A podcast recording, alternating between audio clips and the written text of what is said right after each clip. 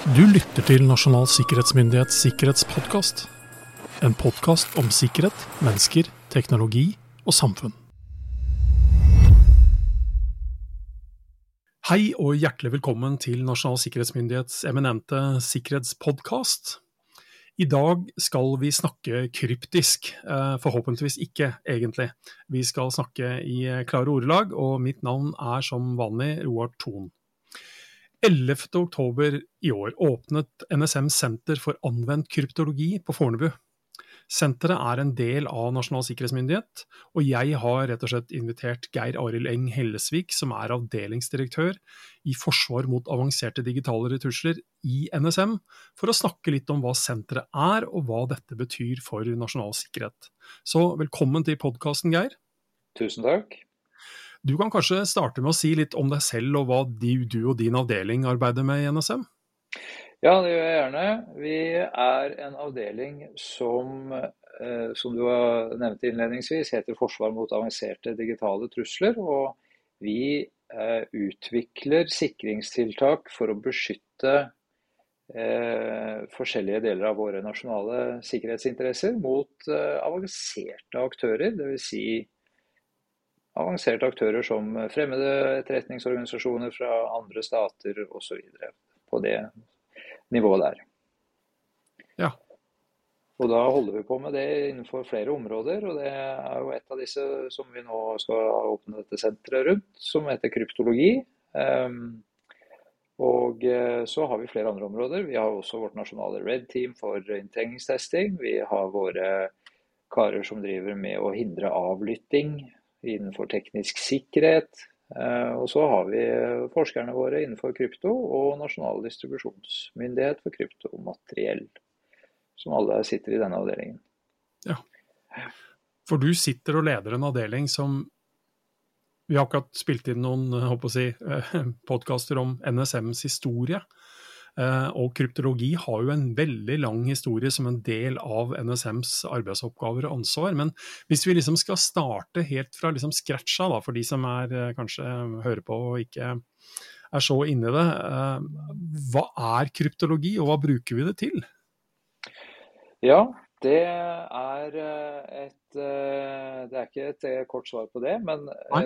kryptologi har jo sitt utgangspunkt i at man ønsket å skjule en beskjed for de som ja, ikke skal se den. Og vi har jo sett eksempler på bruk av kryptologi for å gjøre en beskjed uleselig for andre enn akkurat den som skal motta den. Da.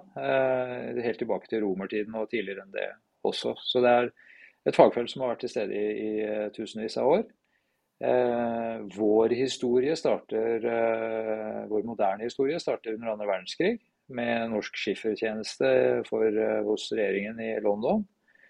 Eh, og løper jo fra den eh, starten fram til i dag. Så vi har jo 80 års historie i NSM som vi bygger på. Så vi har, eh, har, eh, vi har noen store, store, skuldre å stå på der.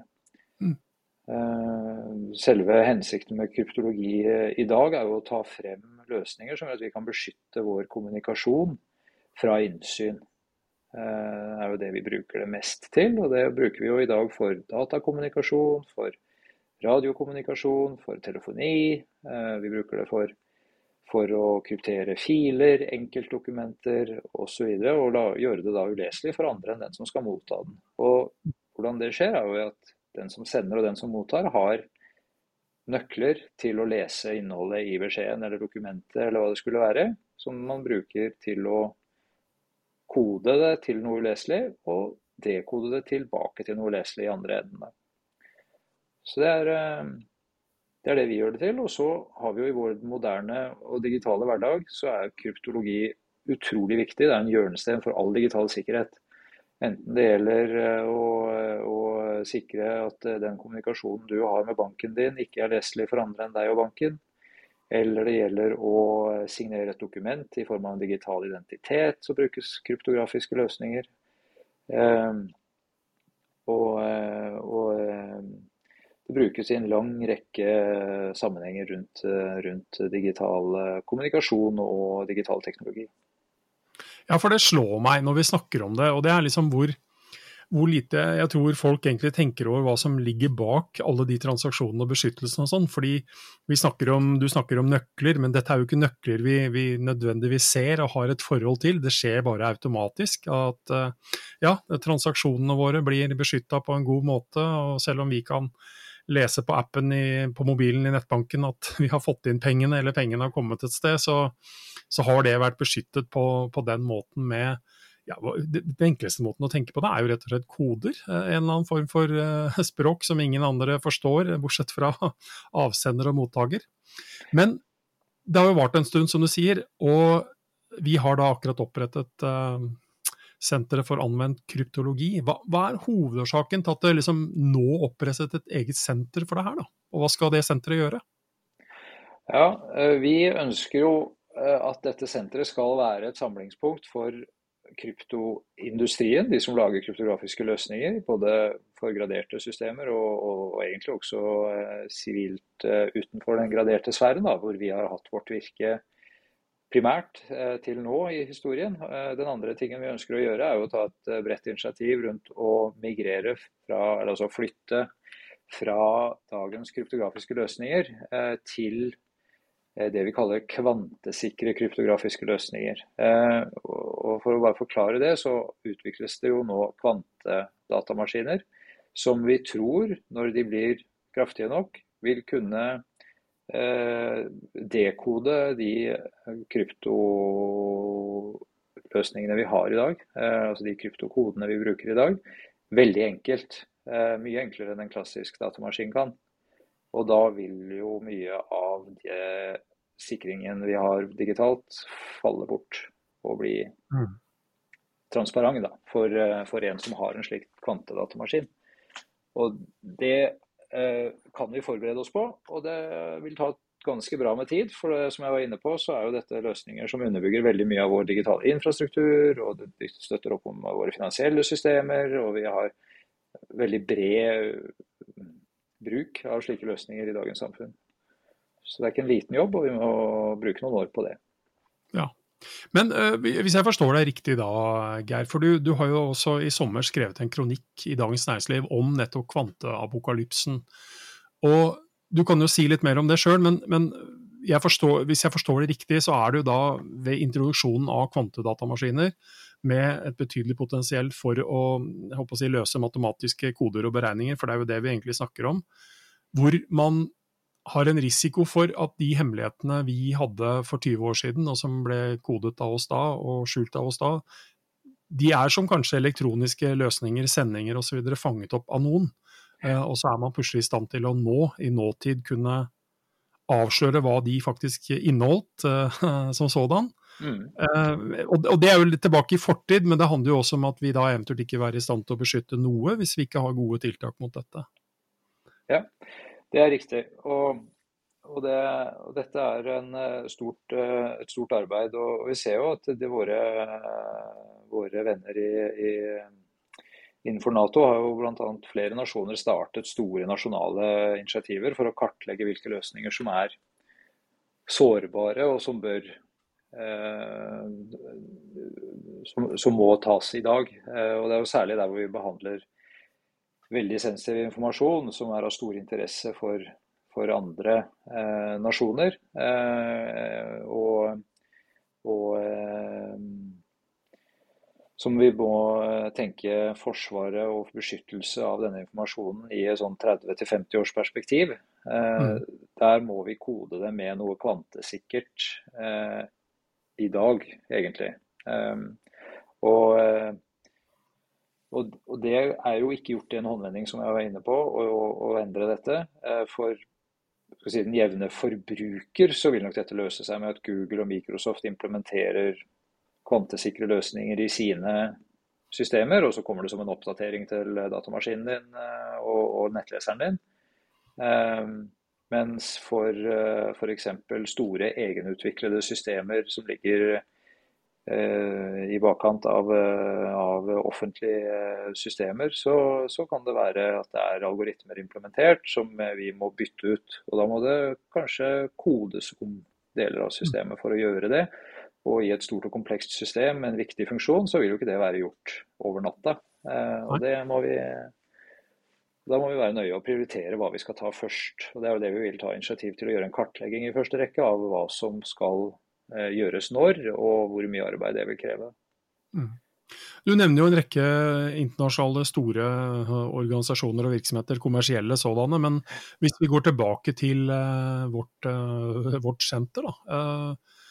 Skal det senteret samarbeide med andre? Altså det, skjer, liksom senterdelen Er det bare NSM, eller har vi liksom andre om bord som kommer til å bidra i dette arbeidet?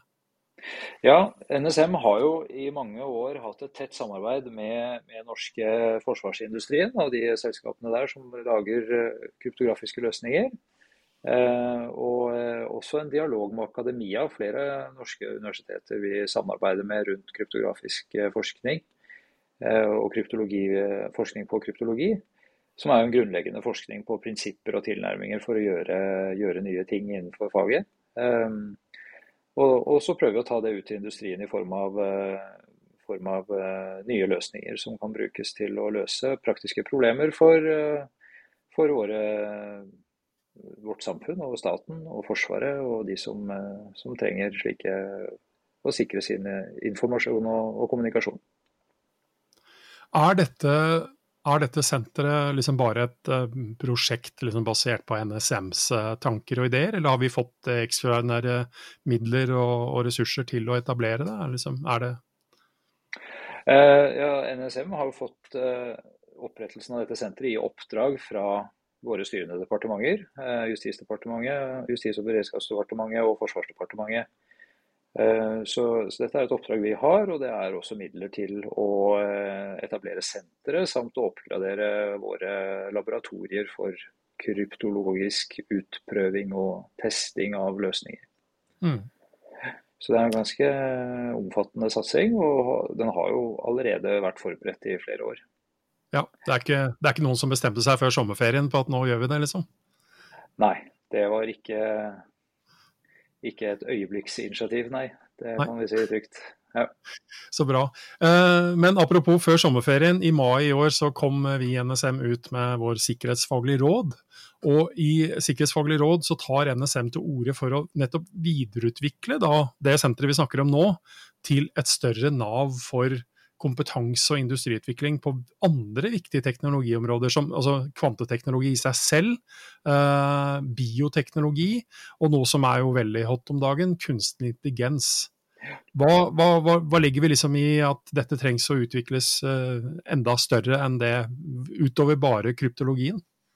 Ja, altså, Utgangspunktet her er, jo fra kryptologi og, det arbeidet vi gjør der. Og så har vi jo fått en interesse for kvanteteknologi og sett på det kan, eh, hvordan det påvirker de kryptografiske løsningene vi har i dag. Og så ser vi sammen med andre eh, kolleger fra andre land innenfor Nato og andre vi samarbeider med, eh, at ny teknologi som kommer eh, raskt i bruk. Fremvoksende teknologier, og også gjerne det vi kaller disruptive teknologier, som endrer ting ganske radikalt. Endrer jo ting radikalt for sikkerhetstiltakene våre. Eh, og vårt initiativ i forhold til kvantesikre kryptografiske løsninger er jo egentlig noe vi ønsker å bruke som et springbrett for å gjøre tilsvarende vurderinger innenfor andre teknologiområder. Så for eh, Nasjonal sikkerhetsmyndighets del så handler det jo om å ivareta norske sikkerhetsinteresser. Eh, Dvs. Si vår demokratiske styreform og territorial integritet og, og vår eh, nasjonale suverenitet. Og i møte med ny teknologi som endrer hvordan sikkerhetstiltakene våre virker, kanskje sånn som med kvantedatamaskinen, hvis den kommer og er sterk nok til å bryte dagens kryptografiske løsninger, så må vi jo ha andre kryptografiske løsninger. Mm. Se for meg at vi får tilsvarende endringer i utviklingen av andre teknologier. Og da må vi være i forkant av å se disse effektene eh, og gjøre justeringer i de tiltakene vi gjør. Så eh, en eh, ambisjon vi setter for dette senteret, er jo at vi skal videreutvikle det, og at vi på sikt vil ha et senter for eh, innovasjon innen eh, fremvoksende teknologier eh, som skal ivareta sikkerhetsaspektet da, eh, i både sikringen av teknologiene hvordan vi kan utvikle bedre sikringstiltak med bruk av slik teknologi, men også hvordan vi sikrer oss mot bruk av slik teknologi, slik som vi gjør da med, med denne kvantesikringen av, av kryptoen vår. Ja, for det, for det, du er inne på der, dette handler jo ikke bare om bekymringen i forhold til hva teknologien kan misbrukes til. Det handler jo også om å se på muligheten til å bruke den samme teknologien til å få bedre løsninger. Vi er jo et slags sånn teknologisk våpenkappløp hvor en kvantedatamaskin kan bidra til å utvikle kvantesikre løsninger eh, på kryptologisiden. Eh, og kanskje også, for alt jeg vet, i kombinasjon med ta i bruk kunstig intelligens også, på en helt annen måte. Så det er jo liksom det er jo utviklingspotensial her for bedre sikkerhet i seg selv, samtidig som man må følge med på trussel- og risikobildet på ny teknologi. da. Ja, åpenbart. Og, og vi, eh, vi, er ikke langt nok fremme i skoen i, i Norge på disse områdene. Vi ligger vi ligger bak mange av de nasjonene vi liker å sammenligne oss med. og Det, det er en grunn til å, til å løfte, løfte, dette som et område det må satses inn for. Og, og, sånn som det nå nylig ble bevilget en milliard til forskning på kunstig intelligens, så, så vil jeg jo håpe og tro at man eh, tar med sikkerhetsperspektivet inn i, inn i det arbeidet som skal gjøres der. Eh, det er i hvert fall viktig for eh, nasjonen. Ja, det, det, det, avhenger vel litt av at vi også greier å være framme i skoa og, nettopp argumentere for at man må ta med de, de, den, den, dimensjonen i dette her også. Um, jeg eh, tror vi avrunder der, Geir, og takker for samtalen. Og håper at det sånn sett ikke har vært for kryptisk for de som hører på. Eh, at det har vært eh, klar tale. Og så ønsker jeg både deg og de som hører på, en trygg og sikker dag videre. Så høres vi sannsynligvis kjapt i en ny episode av NSMs sikkerhetspodkast.